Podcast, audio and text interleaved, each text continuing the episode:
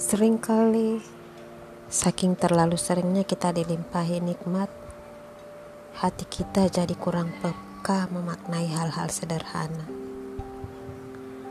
Hal yang bisa jadi akan membuat kita kesulitan saat hal tersebut dicabut olehnya sejenak.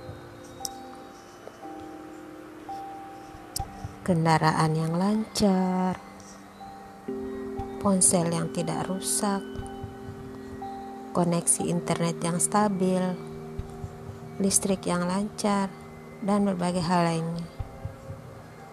Hal-hal yang kadang luput kita masukkan dalam daftar rezeki yang patut kita syukuri.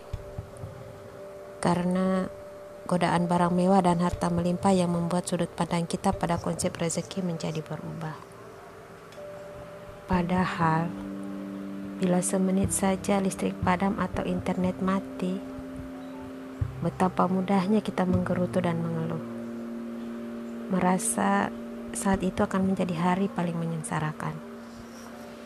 Padahal saat semua berjalan lancar, kita kerap luput mensyukurinya dan justru kadang menyanyiakannya dengan menghabiskan waktu terlalu lama berselancar pada hal-hal yang kurang penting.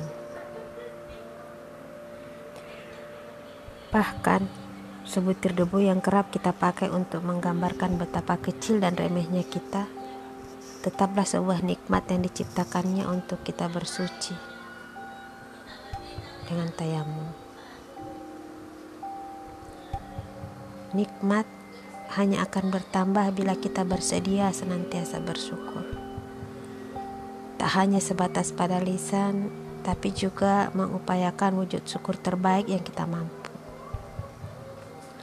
menggunakan kenikmatan tersebut untuk meningkatkan kualitas dan kuantitas ibadah kita misalnya.